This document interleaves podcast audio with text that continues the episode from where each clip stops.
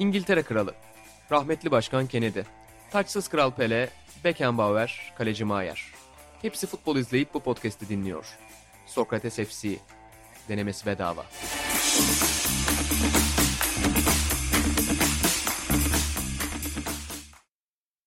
Sokrates FC'den herkese merhabalar. Bu özel bölümümüzde Statsbomb'dan İsmail Tari'yi konuk etmenin haklı mutluluğunu ve gururunu yaşıyoruz. Teşekkürler. Ben Bülent Kalafat ve Arhan Atapilavoğlu da bizlerle birlikte stüdyoda. Hoş geldin İsmail. Hoş bulduk Bülent, hoş bulduk Arhan. Burada sizin olmak çok güzel. Öncelikle teşekkür ederim davetiniz için. Herkesin suratında tatlı bir gülümseme oluşturuyor. ne yazık ki kimse göremiyor. İsmail tabii seninle belli bir tanışıklığımız var. Daha öncesine dayanan ama istersen sen çok kısa bir şekilde dinleyicilere bir kim olduğunu aktar. Statsbomb'da olan ilişkin oradan da zaten Statsbomb nedir, ne işe yarar onların hepsine detaylı bir şekilde gireceğiz. Ama önce bir İsmail Tari'yi tanıyalım kısaca. Adım İsmail Tari. Statsbomb'da iş geliştirme müdürüyüm. Avrupa'nın büyük bir kısmı ve Asya'dan sorumluyum, Asya kıtasından. İş geliştirme müdürü olarak görevim takımlar ile, federasyonlar, medya, vesaire gibi kuruluşlar, bahis şirketleri bunlar ile irtibatta olmak, işbirlikleri üzerine çalışmak, gelişimine katkıda bulunmak, altyapıyı kurmak gibi çeşitli keyifli görevlerim var. Ve tabii de en güzel yanı sizin gibi güzel insanlarla buluşmak ve sohbetler etmek. Çok teşekkür ederiz. Peki bize kısaca bir belki Statsbomb'un hikayesini anlatabilirsin. Kurucusu Ted Knudsen. Daha önce farklı takımlarda analiz şefi olarak çalışmışlığı var. Ve yanılmıyorsam 2017 falan gibi Statsbomb aslında bir blog sitesi olarak başlıyor. Ağırlıklı olarak yazıların bulunduğu bir site ki ben 2013 yıllarında işte orada Ben Pugsley'nin, Colin Trainer'ın falan yazdığı yazıları okuduğumu hatırlarım. İlk defa keşfettiğimde beni çok etkilemişti. Aradan işte bir 4-5 sene geçtikten sonra da Statsbomb'u profesyonel olarak az önce bahsettiğin sektörlere hizmet sunan bir şirket haline getirdi sanırım değil mi? Aynen. Ted Knudsen 2014-2015 Michelin şampiyonunun zaferinin, tarihi zaferinin baş mimarlarından. Kendisi Matthew Benham'in ekibinde şef analist olarak Michelin ve Brentford takımları için çalıştı. Matthew Benham kimdir? Matthew Benham Smart Odds'un sahibi. Aynı zamanda Michelin ve Brentford takımlarının sahibi. Ted de onun ekibinde işte bu görevi üstlenerek büyük başarıları imza attı. Brentford'da bu sezon Premier Lig'e çıktı. Onunla ile birlikte Championship'e kadar yükseldiler. Büyük bir başarı. Kendisi 2014 yılında Statsbomb'u bir blok olarak kurdu. 2016 senesinde bir gereksinimden dolayı şirket haline getirdi ve dedi ki artık biz bu sektörde bazı şeyleri değiştirmemiz gerekiyor. En kesin verileri benim sunmam gerekiyor ve Statsbomb'un felsefesi gelecek için budur. Sunabileceğimiz en kesin ve en düzgün veriler. 2017 senesinde biz kendi verilerimizi toplamaya başladık. Bizim Kaire'de bir ekiplerimiz var. Büyük bir ekibimiz var. Yaklaşık 200-250 kişilik. Tabii verileri kendimiz topluyoruz. Veri toplama sürecini biraz anlatabilir misin? O çok merak edilen bir şeydir. Oo, hani çok enteresan. belli grup insanlar oturup maçları izleyip oradaki aksiyonları log mu ediyorlar? O çok merak edilir. Ben de hep merak etmişimdir ve her veri kaynağı, her veri sağlayıcının sanırım farklı metodları var. Arkadaşlar bu süreç çok heyecanlı bir süreç. Geçen sene Şubat ayında Kaire'ye gitmiştik. Arkadaşları ziyaret etmeye. Dört katlı bir bina hayal edin. Ve bu her katında data collector'lar oturuyor. Yani bu veriyi toplayan arkadaşlar. Veri sadece manuel toplanmıyor. Yanlış anlaşılmasın. Yapay zeka bu işin büyük bir kısmını üstleniyor. Computer vision teknolojisiyle otomatik şekilde bu oyuncular tekleniyor. Peki bu arkadaşlarımız görevine kaliteyi, bu kaliteyi yüzde yüz hani sunabileceğimiz en yüksek kaliteyi garantileyebilmek adına bu arkadaşlar kalite kontrol sürecini yönetiyor. Ve iki arkadaşımız bir maç üzerine çalışıyor. Çeşitli kademelerde bu 6-7 saatlik bir süreç bir maçın verinin toplanması ve büyük bir kısmının otomatik geliştiği bir süreç ve bu şekilde verileri topluyoruz. Hani sanırım en basit bu şekilde anlatabilirim. 6-7 saat bir maç için. Bayağı ciddi bir mesaiden bahsediyoruz. 6-7 saatten bahsediyorum. Bu kalite kontrol süreci bu sadece 6-7 saat sadece arkadaşlarımız arkasında durduğu değil, kalite kontrol süreçlerinin de otomatik olarak işlediği bir süreç. Ve sistem yani bu süreçten sonra tabii sisteme yükleniyor. Yani bu bu şekilde olması lazım. 6-7 saatlik aklına kalan bu gibi bir süreç. Peki hani veriye ve özellikle Statsbomb'un özelinde veriye kattıkları değeri daha sonra tekrar geleceğiz ama ben burada bir adım geri atıp tekrar şeyi sormak istiyorum, değinmek istiyorum. Ted Knutson'un Michelin'le olan birlikteliğine. Onunla ilgili hatta kendisinin Ağustos 2018'de kaleme aldığı makale var. Makalenin başlığı I think we broke Denmark. Sanırım Danimarka'yı bozduk Evet. diye bir Evet, makale kaleme almış. Orada da diyor ki 2014-2015 Michelin tarihinin ilk şampiyonluğu. Hı hı. Ki yani Danimarka Ligi'nde Kopenhag'ın domine ettiği bir lig olarak biliyoruz. Orada aradan sıyrılıp ilk şampiyonluğu alıyorlar ve 25 duran top golü atıyorlar. Özellikle Evet. o, o makalede takımın duran top antrenörünü de ciddi övgüler var. Hem kendisini dinlediği için hı hı. hem de yeniliklere açık olduğu için. Ve daha sonra diyor ki Danimarka'yı bozduk sanırım demesinin sebebi olarak aradan 2-3 sene geçtikten sonra Danimarka Ligi'ndeki takımların duran toptan bulduğu gol sayıları 2014-2015 Midtjylland'ınkinin çok yakınına gelmeye başlıyor. Bir evet. bakıyorlar ki bütün takımlar duran toplara çok dikkat ediyorlar hı hı. ve hepsi sezon başına 8-10 tane duran top golü atarken bir anda 15 20 25'e doğru giden evet. rakamlara ulaşmış oluyorlar. Özellikle dikkat ettiği bir şey mi Statsbomb'un ve Ted'in duran toplar ve futbolda biraz acaba hani yeterli değeri, ilgiyi görmediğini düşündüğü alanlardan biri mi? X'e diyebiliriz. Bunun arkasındaki düşünce duran toplardan bugüne kadar üretilen XG sayısının, pozisyon sayısının, gol sayısının olabildiğinin altında olması. Ve Ted bu duran top konusunda çok heyecanlı ve keyif alıyor ve bunun üzerine düşünmek onun bir hobisi gibi baş, hani başlayıp ciddi bir şekilde profesyonel futbola aktardığı bir başlık. Ve bizim de zaten SESPOM olarak duran top analizlerimiz, kurslarımız bilinir. Ve günümüz futbolda sadece artık Danimarka değil birçok takım duran top için özel antrenörler bünyesine katıyor. Mesela Liverpool'da bir taç antrenörü var. Taçları yaparken nasıl gol ihtimalimizi yükseltebiliriz? Nasıl bir hızlı bir şekilde oyuna e, akışını sağlayabiliriz? Nasıl bir etki yaratabiliriz? Bu gibi konular. Etet de bunu zamanında çok iyi başardı hazırladığı çalışmalar ve dosyaları ekibiyle büyük başarı elde ettiler. Michelin'in e, şampiyonun elbette büyük sırlarından biri de duran toplardaki başarılarıdır. Bahsettiğin kişi de sanırım Thomas Gronemark. Liverpool'un taç antrenörü. Evet, evet. Onunla ilgili de çok enteresan bir makale vardı. 2020'de falan ESPN'de yayınlanmıştı. Liverpool'un kullandığı taçlardan sonra topun Liverpool'da kalma oranı ile ilgili. Evet. Hatta ben de bununla ilgili bir makale yazmıştım Medium'a birkaç gün önce. Onlar mesela bu konuya dikkat etmeye başlamadan ve özel olarak çalışmaya başlamadan önce kullandıkları taşların sadece %45.4'ü Liverpool'da kalıyormuş. Ve bu alanda 2017-2018 sezonunun en kötü takımı Premier Lig'de. Doğrudur. Thomas Gronemark'ın gelmesinden sonra bir anda bu oran %68.4'e yükseliyor ve Liverpool bu konuda Premier Lig'in zirve ekiplerinden bir tanesi oluyor. Evet. Pek çok takımda böyle belki detay gibi gözükecek konulara ama çok da fark yaratabilen konulara verilen önemin giderek arttığını görüyoruz. E aslında futbol açısından da biraz bakınca topun kalma süresi ya da oranı takım açısından çok önemli. Çünkü direkt geçiş imkan tanıyorsun rakip takıma kaptırdığın bir topla Tabii. taçtan. Ve duran top konusuna gelince de bence bir takımın herhalde en az yetenek setiğine sahip olarak atabilme ihtimalinin en yüksek olduğu gol türü duran toplar olabilir. Yani gerçekten bir yetenek kabiliyet istemeyen ama doğru çalışmayla, doğru evet. organizasyonla en çok sonuç verebilecek gol türü de duran toplar olabilir diye evet. tahmin ediyorum. Yani penaltı için de mesela geçerli. E çok yetenekli futbolcuların hmm. penaltı atamadığını ama çok penaltıya çalışan oyuncuların daha iyi penaltı attığını görüyoruz. Duran top da bence birebir aynı.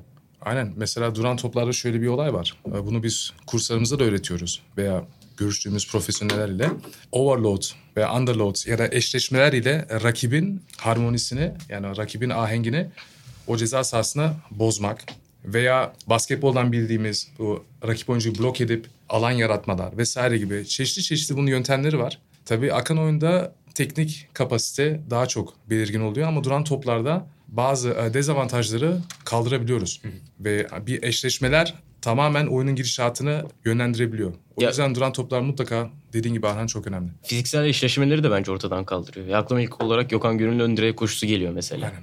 Hani çok çalışılmış bir şeyden öte Ligimizin bug'ı Evet yani oyuncunun kendisinin yaptığı ama yıllardır çözüm bulunamayan bir şeyin aslında çalışılarak bir şeyler yapılsa çok farklı e, noktalara gidilebileceğine dair de aslında iyi bir örnek bence. Bloklama konusunda da benim aklıma şey geldi İsmail. 2017 mi 2018 mi bir Schalke Dortmund maçı. 3 üçgen sanırım Schalke'nin attığı bir gol var kornerden. Naldo'ya bir perdeleme yapılıyor. Evet. Ve e, o korner golüyle Schalke sanırım Borussia Dortmund'u yeniyordu. Evet. Orada da mesela çok net bir şekilde hani o zamanlar için çok görmeye alışık olmadığımız bu bloklama ve arkadan gelen koşucuya savunmanın yapacağı müdahaleyi Aynen. engelleme perdelerini falan o zamanlarda görmeye başlamıştık. Evet. Yani bir savunma için rakibin bir noktada buluşması, tüm oyuncuların bir noktada toplanıp o noktadan çeşitli yönlere dağılması bile defans hattını çok sıkıntıya sokacak bir durum. Yani bunlar hepsi çalışabilir şeyler. Bu şekilde takımın işçi oranı, gol oranı çok önemli bir şekilde yükseltilebilir ve önemli puanlar kazandırabilir mutlaka. Peki yani duran toplar konusunda hem Ted'in hassasiyeti ortada hem zaten daha önce takımlara yaptığı katkılar. Hı hı. Ve hani Statsbomb'un da bu konuda konferansları, makaleleri, eğitim seminerleri oluyor. Onları evet. onları bir kenara koyalım. Ve biraz da en azından mesela benim nezdimde Statsbomb'daki yeniliklerin düzeyi veya Statsbomb'un açtığı yeni kulvarlar konusunda beni çok etkileyen yazılardan biri olarak aklıma 2017'de yayınlanan bir şey makalesi geldi. Yine Statsbomb'da yayınlanan bir makale. Pas yüzdelerinin aslında çok bir şey anlatmadığını, biraz yanıltıcı evet. olduklarını ve pasların oyuna kattığı değeri ifade etmek için başka yollar aranması gerektiğine dair bir yazı. Evet. Haziran 2017'de yazılmış ve hani özet olarak şunu söylüyor. Oyuncuların yaptığı pasların değerini anlamak için topu götürdüğü noktayla topun başladığı nokta arasındaki fark veya o pas gerçekleştikten sonra bir şut çıkma ihtimalindeki artış gibi farklı parametrelere bakmak Hı. gerektiğini söylüyor bu yazı. Ve hani o dönem için mesela 5 büyük ligde oynayan farklı pozisyonlardaki oyuncuların pas kabiliyetini sıralandırmış. Mesela şimdi baktığımız zaman forvetler arasında Agüero, Benzema, Dybala, Danny Welbeck ve Rafael ön plana çıkmış. Şimdi 38 yaşında Rafael belki hatırlamayanlar olabilir. Kanat oyuncuları arasında tanıdık isim Arda Turan dönemin en iyi, en etkili pasörlerinden biri olarak ortaya çıkmış. Nasri var, Messi var, Hazard var, Odegaard var. Genç yaşına rağmen. İşte tabii ki hücuma yönelik orta sahalarda Mesut ön plana çıkmış. Valbuena gene ligimizden tanıdığımız. Nebil Fekir gibi gibi isimler listeden başka Türkiye'den yolu geçmiş oyuncular da var. Elneni gibi. Garimedel gibi farklı isimler var. Ve hani bu listede benim çok hoşuma giden bir isim vardı. O da Ruben Aguilar'dı. Hı hı. E hatta Ted bu yazıyı yazdıktan çok kısa bir süre sonra sanırım bonservisiz olarak Montpellier'e gitmişti Ruben Aguilar. Ben de o sırada bir Türk kulübü için Ruben Aguilar'ı incelemiştim ve çok çok isabetli bir transfer olacağını dile getirmiştim. Ancak Ruben Aguilar'ın bir pasör olarak bu derece kabiliyetli olduğunu ben idrak etmemiştim mesela yaptığım Hı-hı. analizde ve kulübe yolladığım şeye de baktım mesela rapora. Hiç pasörlüğünden böyle bahsetmemişim. Aman aman bu inanılmaz bir pasör falan diye daha Hı-hı. ziyade agresif, iyi savunma yapan, atlet bir bek olarak anlatmışım mesela. Okay. Çok şaşırmıştım Ruben Aguilar'ı görünce. Çok da sevinmiştim. Ben de mesela medalya duyunca şaşırdım şu an. Evet şu anda ben de. yani, hani enlemi tamam ama medal ne alaka değil mi? Evet. Belki biraz bunu açmak gerekir İsmail. Yani Açalım. Statsbomb'un paslara bakışı. Bir pas Statsbomb için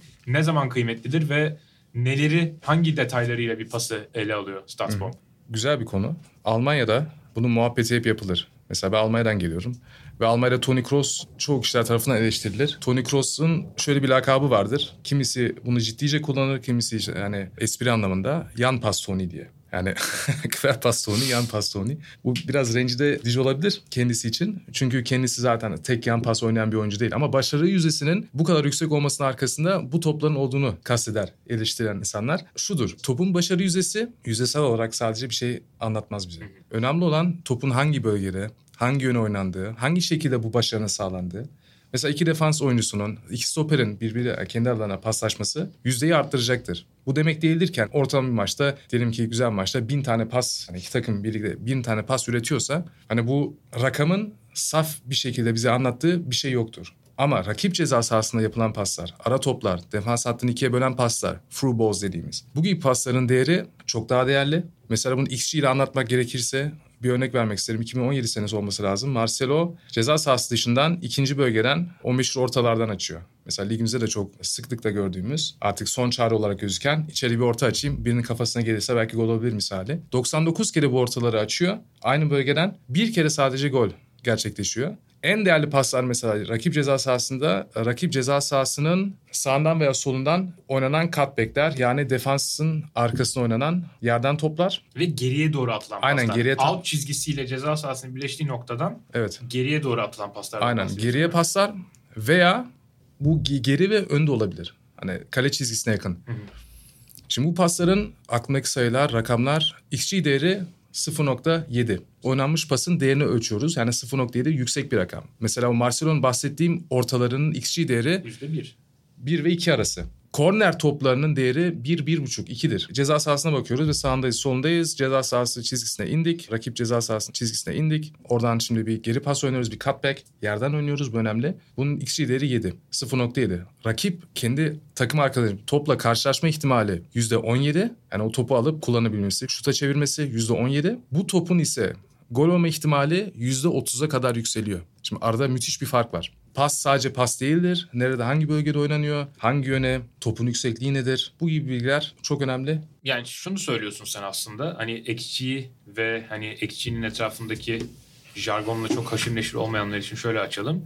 O bahsettiğin cutback pasından 100 kere yaptığın zaman onlardan 7 ya da 8 tanesinin golle sonuçlanmasını bekleyebilirsin. Evet. Onlardan her 100 pastan yaklaşık 17 tanesinin senin bir takım arkadaşınla buluşmasını bekleyebilirsin. Aynen.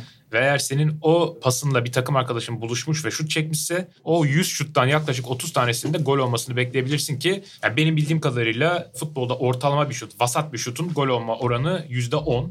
Hı hı. O yüzden cutback aslında vasat bir şuttan %3 kat daha kıymetli bir fırsat sunuyor sana eğer o pası verebilirsen diye anlıyorum. Aynen. Çünkü altın bölge dediğimiz ceza sahasında penaltı bölgesinin çevresinde oyuncuyu topla buluşturmak zaten en büyük meziyettir. Yani bir oyuncu bunu başarıyorsa santraforunu o ceza sahasının o bölgesine topla buluşturuyorsa bu büyük bir kalitedir pasörler için. Ve gol ihtimali çünkü bu pozisyonda en yüksek. Buradan attınız attınız. Bu şekilde bakarsak da hani mesela buna through ball diyoruz biz mesela. Ceza sahası dışından dikin oynanan defans ikiye bölen paslar through ball denir. Mesela bunun Guardiola'nın takımları çok iyi başarıyor. Andres Villas-Boas'ın takımları zamanında Tottenham'de daha çok dışarıdan şut çekerdi. Ve bu şutların XG oranı yani gol beklentisi oranı 105, 104, 103 ki 105 çok iyi bir rakamdır. Hani ceza sahası dışından 103, 102 bandındaydı. Ve haliyle de hani o hatırlıyoruz Tottenham performansının zamanında. Guardiola'nın takımları ise bu futbolları çok güzel geliştirip üretip gole müthiş katkıda bulunuyorlar. Tabii bir de hani o ara pasları atacak oyuncu tamam önemli. Hı hı. Bir de tabii o paslara koşacak, o pasları alabilecek oyuncu önemli ki o pası alacak oyuncunun da pası doğru şekilde, etkili şekilde alabileceği alanları fark etmesi, Evet. rakip savunmacılardan yeterince uzakta kalıp kendine o pası alabilecek cepler oluşturması da çok kıymetli ki anladığımız kadarıyla StatsBomb'un yeni geliştirdiği bu 360 sisteminde StatsBomb 360 diye bir sistem geliştiriyor. Yeni bir istatistik paradigması denilebilir belki buna ya da futbol istatistiğine yeni bir bakış Evet. için geliştirilen bir model ve burada sadece senin takımının yaptıklarından ziyade senin takımındaki bir oyuncunun attığı bir pasın ötesinde Evet. o pas giderken rakip oyuncular ne yapmaktaydı ve nerelerdeydi bunlara bakılıyor ve belki de bu sayede işte o benim az önce bahsettiğim topsuz oyunların kıymetini biraz daha iyi anlamaya belki başlayabiliriz. Teşekkür ederim Bülent. Güzel bir konuya değindin. İstersen dinleyicilerimize öncelikle bir verilerimiz hakkında birkaç bilgi verelim. Tabii. Biz ortalama maç başına ortalama 3500 veri topluyoruz. Event verisi yani olay verisi. Bu 3500 verinin yaklaşık 250-300'ü pressure verisi. Yani biz Statsbomb olarak bu verileri sunan tek şirketiz, tek sunucuyuz. Pressure'dan kastım da bizim baskı dediğimiz hadise. Aynen baskı. Yani aktif bir şekilde bir oyuncunun rakibin aksiyon alanında engellemeye, bloke etmeye çalışması. Yani üzerine baskı üretmesi en basit tabirle. Bu verileri topluyoruz. Sadece pressure olarak hani aktif hamle olarak değil, bağlam içinde de mesela bir baskı altına oynanan paslar vesaire gibi uzun toplar, kısa paslar, çeşitli çeşitli veriler biz bunları topluyoruz. 360 verisi ekstra bir veri. Mesela olay verini bilenler ya da bilmeyenleri anlatalım daha doğrusu.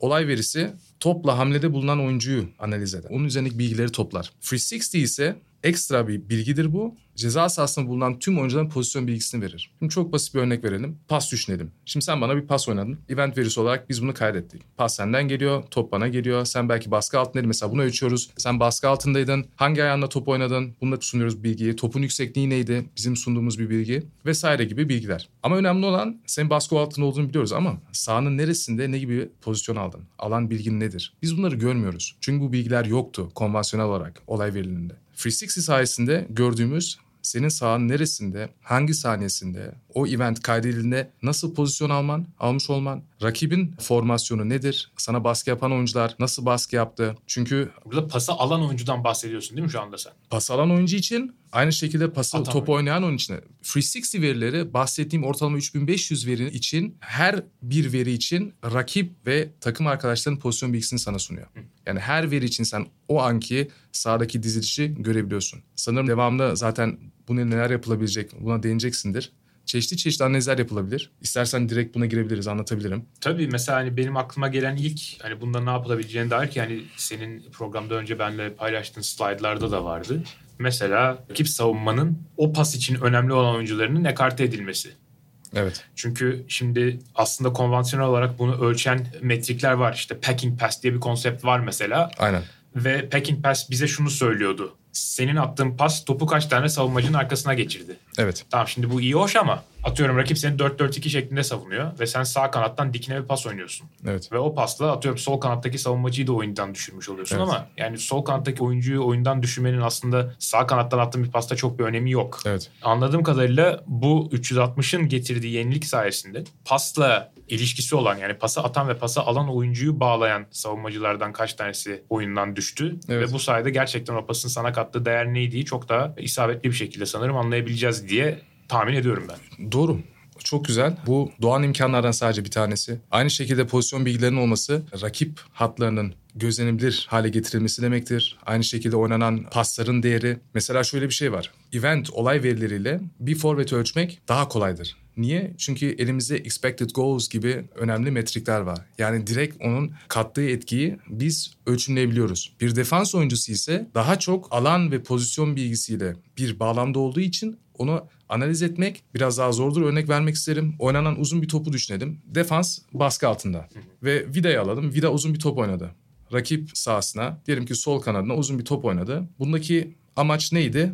Yani hatalı pastan ziyade oyunu açmak ve o baskıyı takım üzerine almak ve takımın tekrar öne doğru çıkması. Tabii bu kayda geçtiğinde bir uzun, başarısız bir uzun top olarak kaydedilir. Ama bu demek değildir ki oyuncu, oyuncunun pas oyunu kötü. Ne yapılır? Video açılır, video üzerinden bakılır. Hani nedir, neden bu veriler toplanmıştır, neden bazı rakamlar bu şekildedir? Mesela bu gibi şeyleri şimdi 360 ile daha iyi bir şekilde gözlemleyebileceğiz. Demektir ki bir oyuncu pas oynadığı zaman neden bu pasları oynuyor veya da oyunu açtığı zaman oynadığı takım arkadaşı nasıl pozisyon almış? Bu da bir zekadır, oyun zekasıdır. Hani pas tercihleri. Sonra on-ball value modelini konuşacağız. Bu ölçü nasıl ölçülebilir hale getirildi. Bu gibi şeyler hani oyuncunun kalitesi ondan sonra tabii takım arkadaşımızın aldığı pozisyon, rakip ile bıraktığı aradaki mesafeler bunlar da analiz edilebilir. Bazı oyuncular vardır ki rakibe çok yakın oynarlar ve pas yüzleri çok yüksektir. Bunlar değerli oyunculardır. Baskı altında yüksek pas yüzdesi kaliteyi gösterir. Romelu Lukaku mesela hemen aklıma geliyor şimdi. Aynen bu hani bu şeydir bu. Kalitedir. Yani bu her oyuncuda bulunmaz. Çoğu oyuncu baskı altında yüzdesi yüzde yirmi gibi düşer. Yüzde yirmi beş. Normal. Averaj. Bunun altına düşen de olur. O yüzden bahsettiğim gibi bu 360 verileri, pozisyon bilgileri büyük değer katıyor analize. Bir de bence stoper örneğinden devam edeceğim. Yani forvetleri ve on numaraları ya da kanat oyuncularını daha çok hücuma dönük oyuncuları istatistikle anlamak biraz daha kolay. Yani sonuçta Evet. çünkü kilit pas diye bir şey var. Gol beklentisi var. Asist beklentisi var. İşte üçüncü bölgede yapılan pas sayıları var. e, Alınan faul sayıları var vesaire vesaire. Yani bir oyuncu hakkında çok büyük fikir sahibi olabiliyorsunuz hücum oyuncularına baktığınızda ama özellikle savunmacılarda ve savunmacıların önünde oynayan savunma yönü oyuncularında onu kestirebilmek bence çok kolay değil. Yani Evet. Çünkü mesela bir savunmacıyı tackle üzerinden değerlendirmek ne kadar sağlıklı? Yani takımı adam adama baskı yapıyorsa farklı çıkabiliyor. Pas bağlantılarını kesen bir takımda oynuyorsa farklı çıkabiliyor.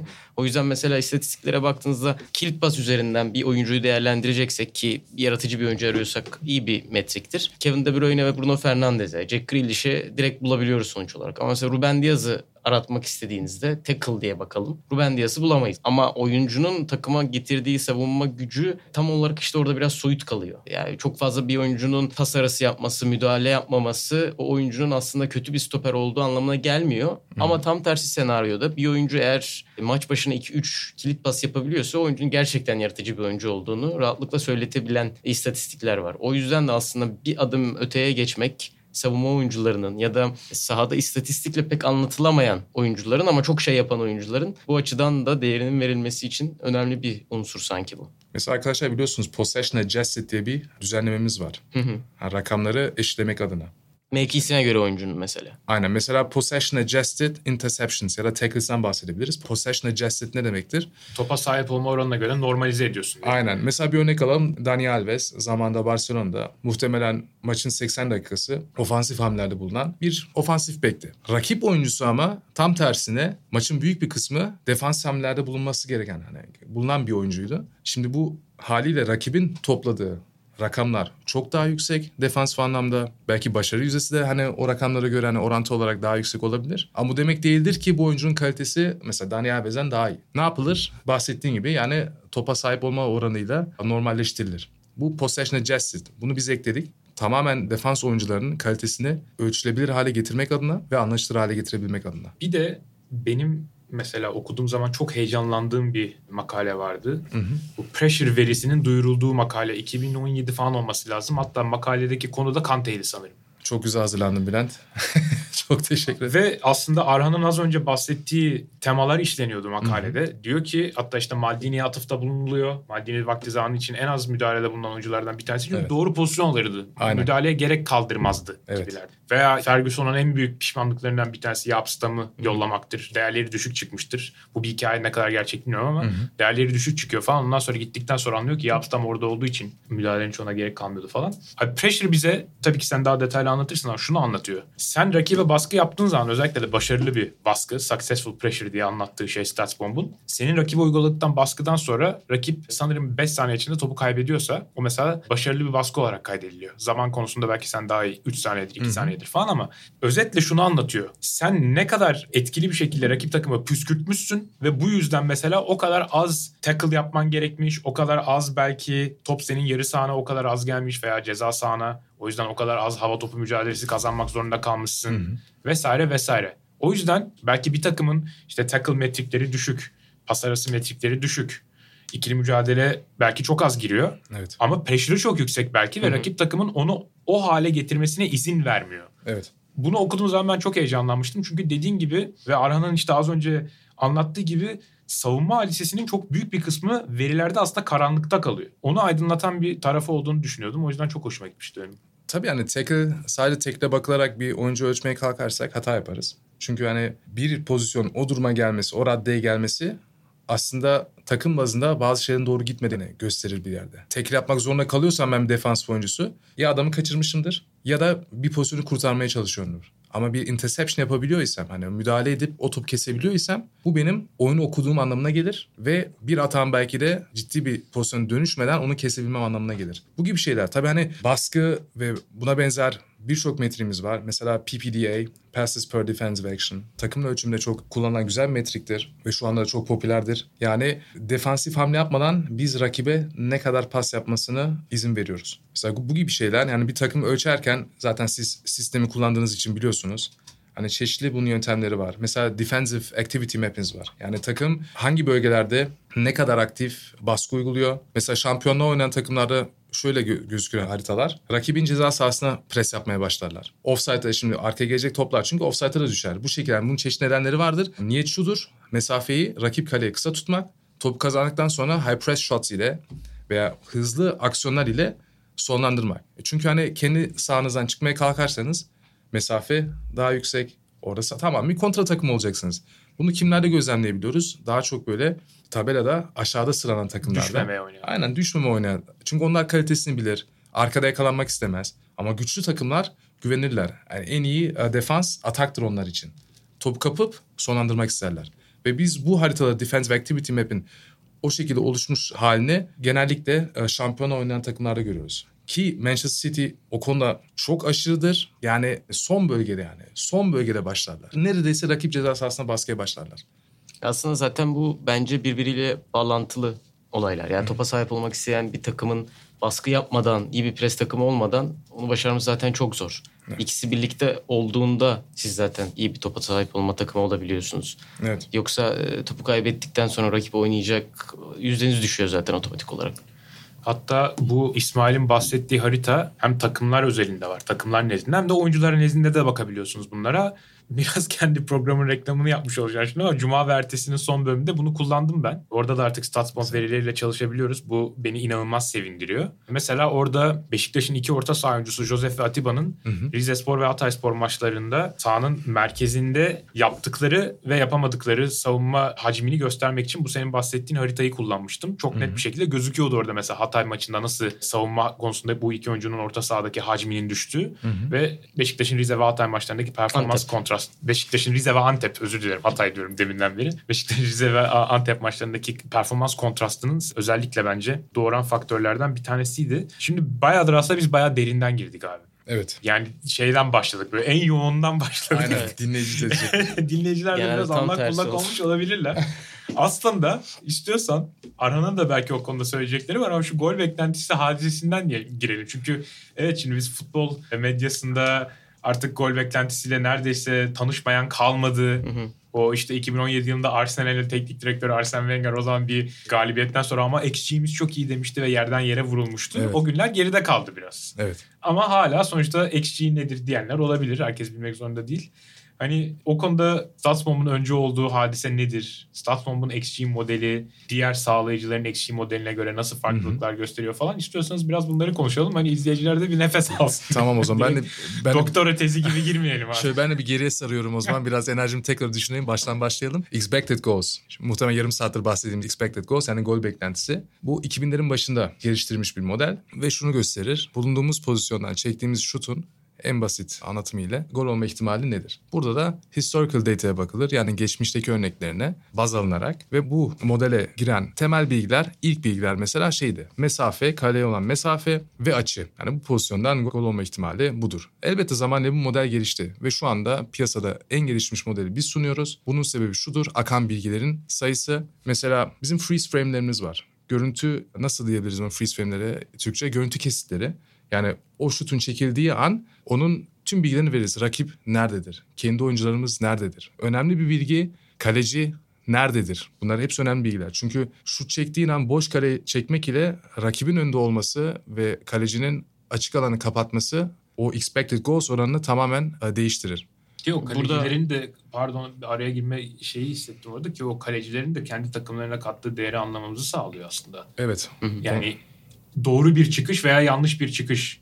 Doğru açıyla çıkış veya yanlış açıyla çıkış arasındaki farkı daha iyi anlamamızı sağlıyor belki de. Aynen. Bu kalecinin olup olmaması da aslında çok şey etkiliyor. Çünkü ceza sahası dışarısından diyelim ki 40 metreden vurulan bir şut normalde gol beklentisi 0.0'larda olan Evet. bir şeyken kalecinin olmayışı onu otomatik olarak 0.2'ye. Patrick Schick'in attığı gol. Ha, evet mesela aynen. Euro Avrupa Kupası. 2020'de. Yani akıllara mesela Aran'ın söylediğinden sonra Patrick Schick'in golü geliyor. Mesela orada evet 45 metreden falan vurulmuş bir şut. Ama kaleci ceza yayının üzerinde olduğu için eminim o, o şutun gol beklentisi mesela Statsbom'da 0.02 falan değildir yani daha yüksektir diye tahmin ediyorum. Aynen mesela daha farklı eklediğimiz bilgiler şudur. Mesela topun eğer şut çeken oyuncuya asist olarak geldiyse, pas olarak geldiyse o topun yüksekliği.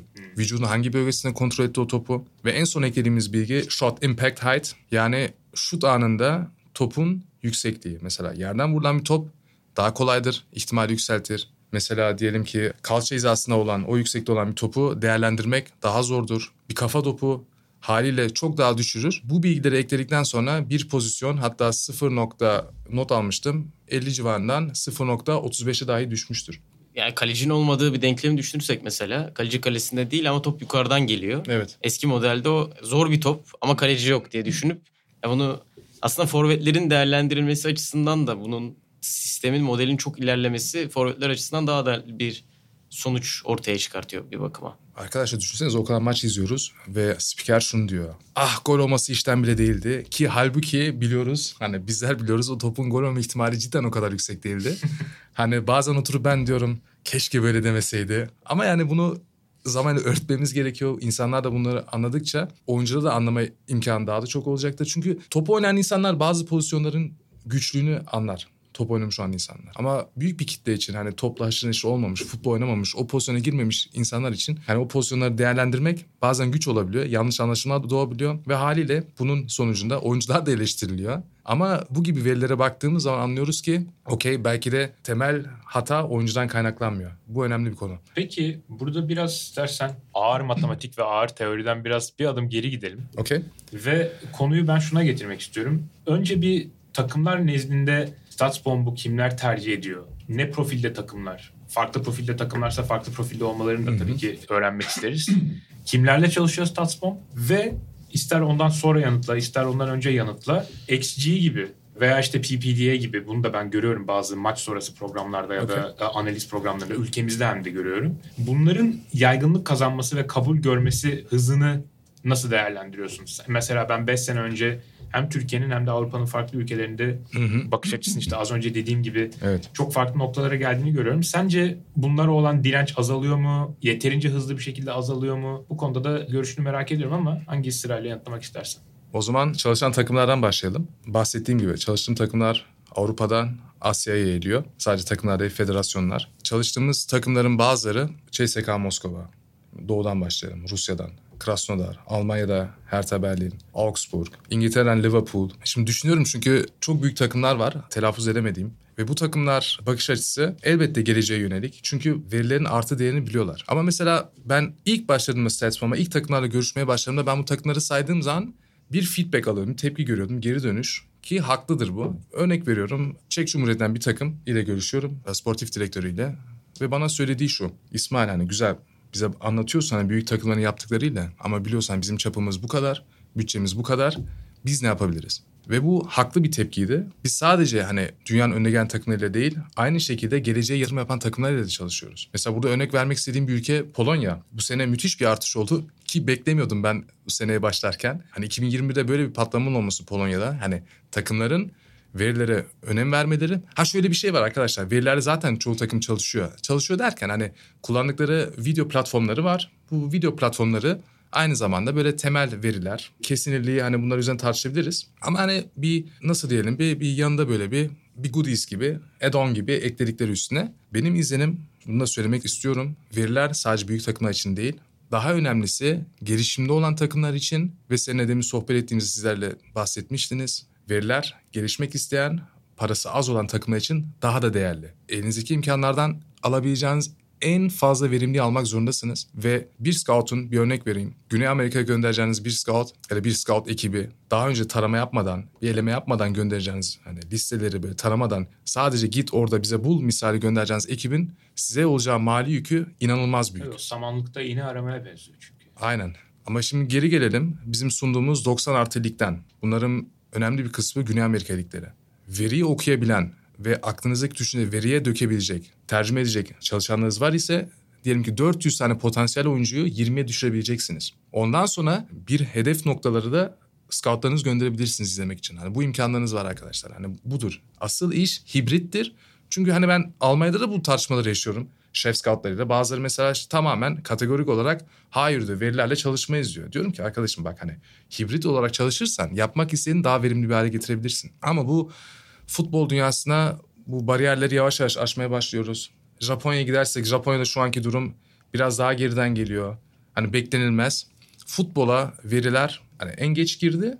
Çünkü Amerika'da basketbol vesaire vesaire NHL, NFL farklı durumda. Futbol ise gelişimde. İngiltere biraz daha bir adım önde. Fransa çok güzel gidiyor ve arkasından ama artık hani çünkü yeni nesil ile de bir trend oluştu. Hani bu bakış açısı tamamen farklılaştı. Bak burada Arhan var, sen varsın Bülent. Ondan sonra Emre var ve diğer arkadaşlarımız. Türkiye'de de bunu anlatmaya çalışıyoruz ve ben burada teşekkür etmek istiyorum. Sokrates olarak çok güzel iş yapıyorsunuz ve keyifle takip ediyoruz sizi. Biz teşekkür ederiz. Sağ Bence e, bu istatistik konusunda da genel olarak durum spor özelinde bir belirsizliği biraz daha belirli hale getirme olayı. Yani istatistik hiçbir şeyi tek başına çözecek durumda değil ama o, o bahsettiğin gibi abi yani Brezilya'da hadi biz bir Güney Amerika turuna çıkalım oyuncuları izleyelim diyerek oyuncu tespit etmekle Hı-hı. tamamen hedefi belirleyerek doğru yere gidip oyuncuyu izlemek arasında dağlar kadar fark var. Evet. Ve biraz bence bu şey gibi geliyor bana. Yani ucuz mal alacak kadar zengin değilim derler ya. Biraz evet. o olay. İstatistik genelde kulüpler buna çok para vermek istemiyor. Ama aslında vermedikleri için daha fazla maliyet ortaya çıkıyor. Çok enteresan hikayeler anlatabilirim. Çok. E, anlatma Adem. Yani. Öyle mi yapalım? Dökeyim mi diyorum etemdeki? Dök artık bence. Ya şimdi zaten son 10-15 dakikasına falan geliyoruz artık. Artık biraz... Bombaları patlatalım. Okay, biraz... Bak, stats bombu tamam, patlat artık. Tamam hadi biraz gossip yapalım o zaman.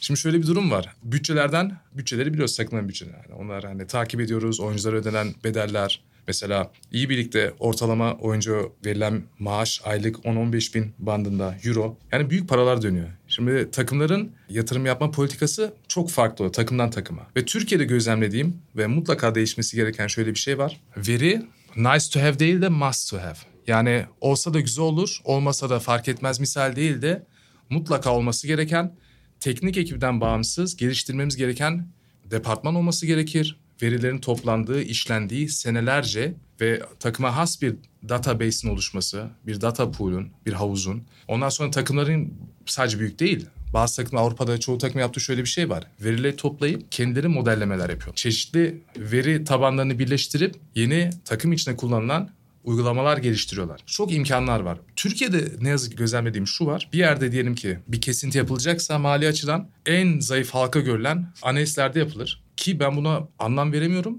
Ha şimdi diyebilirsin okey sen hani bu sektörde çalıştığın için anlam veremiyorsun ama şöyle bir şey var. Bu ekip zaten hani bağımsız gelişmesi gereken seneler sonra verim verecek. Seneler sonra da bunun değeri kat kat artacak bir bilim. Çünkü şu anda en değerli madde veridir. Petrolden daha değerlidir veri. Bakarsanız hani telefonda her yerde veri toplanır. Bu veriler takım bazında işlenmesi gerekir.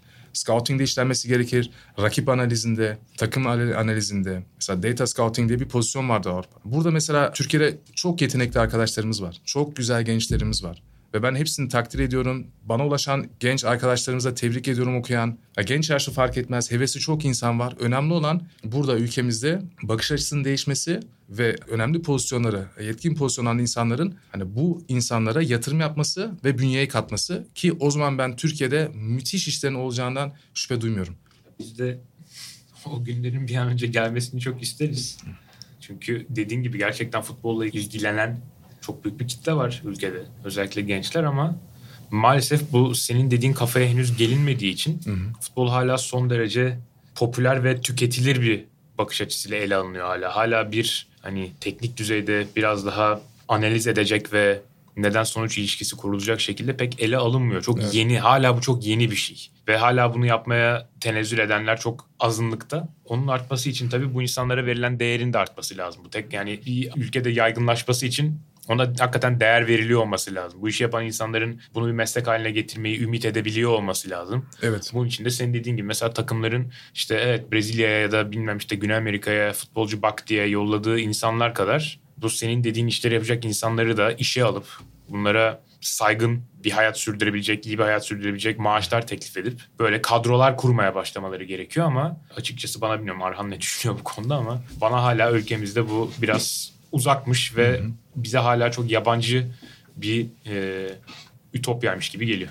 Kesinlikle öyle. Yani aslında çok uzun zaman önce girilmesi gereken bir yola hani Galatasaray'ın bu sene biraz girdiğini söyleyebiliriz. Genç oyuncu aldığını vesaire. Ya bu bile bizi çok şaşırtıyor mesela bizi. Aa ne kadar ilginç böyle bir yola yöneldiler gibi.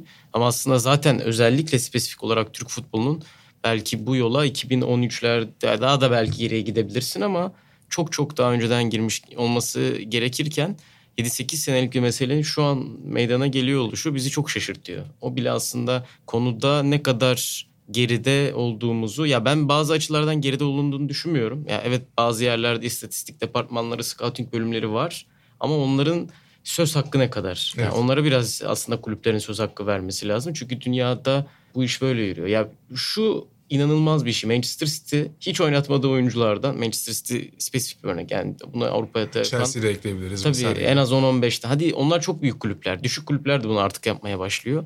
Hiç oynatmadığı bir oyuncudan 5-10 milyon euro kar edebilirken biz en önemli asetimizi, en önemli varlığımızı bize 25 gol katan bir oyuncuyu satıp yerine oyuncu alamıyoruz. Cenk Tosun, Wagner Love örneği gibi. Yani. E gibi. Çok basit ama yani. Ve bu. yani programın başında bahsettiğimiz iki kulübü hatırlayalım. Mesela Midtjylland ve Brentford'dan evet. bahsettik. E Midtjylland ve Brentford bunu yapacak vizyonu gösterebiliyorsa, Hı. bunun için bir bütçe ayırabiliyorsa Fenerbahçe, Galatasaray, Beşiktaş, Trabzonspor gibi kulüplerin bunu hayli hayli yapabiliyor olmaları lazım ama önemli olan işte Ted'in de bununla ilgili çok güzel bir yazısı vardı, bir sözü vardı. Yani kapanışta onu da değinmek isterim. 2018'deki galiba Statsbomb konferansında söylemişti bunu bizimle zengin takımlar değil akıllı takımlar çalışıyor demişti. Aynen. E, işte biz de o ayrımın şu anda hala maddiyatla ilgili bir ayrım olduğunu zannediyoruz ki bu bazı teknik direktörlerimizin dönem dönem yaptığı demeçleri de yansımıştır.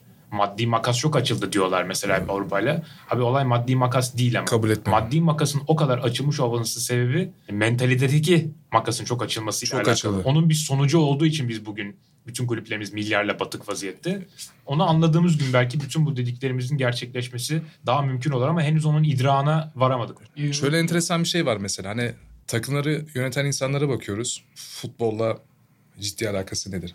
Hani iş adamları. Evet. Hani sektörler tamamen spora aykırı. Ha ben demiyorum ki hani Avrupa'da da böyledir. Hani vardır iş adamları vesaire bunda bir şey söylemem. Türkiye'de sıkıntı şu. Mesela spordan sporu sorumlu direktörlerimiz dahi yok. Hani bir sportif direktör çok denenmiştir Türkiye'de ama yer almamıştır. Neden? Çünkü egolar savaşır. Hani başkan direkt antrenörle irtibatlı olmak ister. Halbuki bir departmandır futbol ve o departmanın başında bir sorumlu vardır. Bu da sportif direktördür. kadroyu planlayan, o sözleşme üzerine çalışan. Bu böyle işler. Şimdi bizde mentalite sorunu var. Ve ben dinleyicilere şunu söylemek istiyorum. Lütfen karamsar olmayın. Biz böyle konuşuyoruz. Eleştirdiğimiz konular var. Lütfen karamsar olmayın. Dünyanın hiçbir yerine her şey %100 yerine gitmiyor. Barcelona'yı görüyoruz. Yani şunu söylemek istiyorum arkadaşlar. Veri konusunda ilgileniyorsunuz. Arkasına durun. Kendinizi geliştirin. Ve görmek istediğiniz değişimi kendiniz olmaya çalışın. Ve Türkiye'de çok güzel şeylerin yapılacağını ben inanıyorum. Bana da ulaşan Bülent çok arkadaşımız var. Vakti geldi ben de cevap vermeye çalışıyorum. ilgilenmeye çalışıyorum. Arkasına lütfen durun. Kendinizi hep geliştirin. Bu ülkeye katacağınız çok şeyler var. En önemlisi de hayal kurmayı bırakmayın. Ümidinizi sakın yitirmeyin. Çünkü bu sizi ileri taşıyacaktır. Bunu da söylemiş olayım. Vallahi çok güzel bir bitiriş oldu bence. Yani bunun üzerine çok fazla konuşmamak lazım ve bence burası kapatmak için çok güzel bir nokta. Bu iyi niyetler için çok teşekkür ederim ve bence de ederim. çok haklısın. Özellikle de e, lafın çok güzeldi. Yani olmak istediğini, görmek istediğiniz değişim olun. O biraz e, herkesten inisiyatif ve efor gerektiriyor. O konuda Evet. çok haklısın. İsmail Tari çok teşekkür ederiz. Ben teşekkür Bizimle ederim. oldun ve bizi aydınlattığın için çok sağ ol. Arhan senin de ağzına sağlık abi. Çok sağ ol abi. Çok teşekkürler. İsmail abi senin de aynı şekilde. et- Rica ederim her zaman. Hepimizin gene ağzı kulaklarına vardı. Herkes gülümsemeye başladı. Umarım güzel. dinleyicilerimiz de aynı şekilde keyif almıştır. Sokrates FC'nin bu özel bölümünde Statsbomb'dan İsmail Tarı'ya konuk ettik. Artık kendisiyle ileride bir kere daha böyle güzel keyifli bir program yapmanın İnşallah. ümidiyle diyelim ve İnşallah. dinlediğiniz için çok teşekkür ederiz. Görüşmek üzere. Görüşmek üzere. Teşekkürler.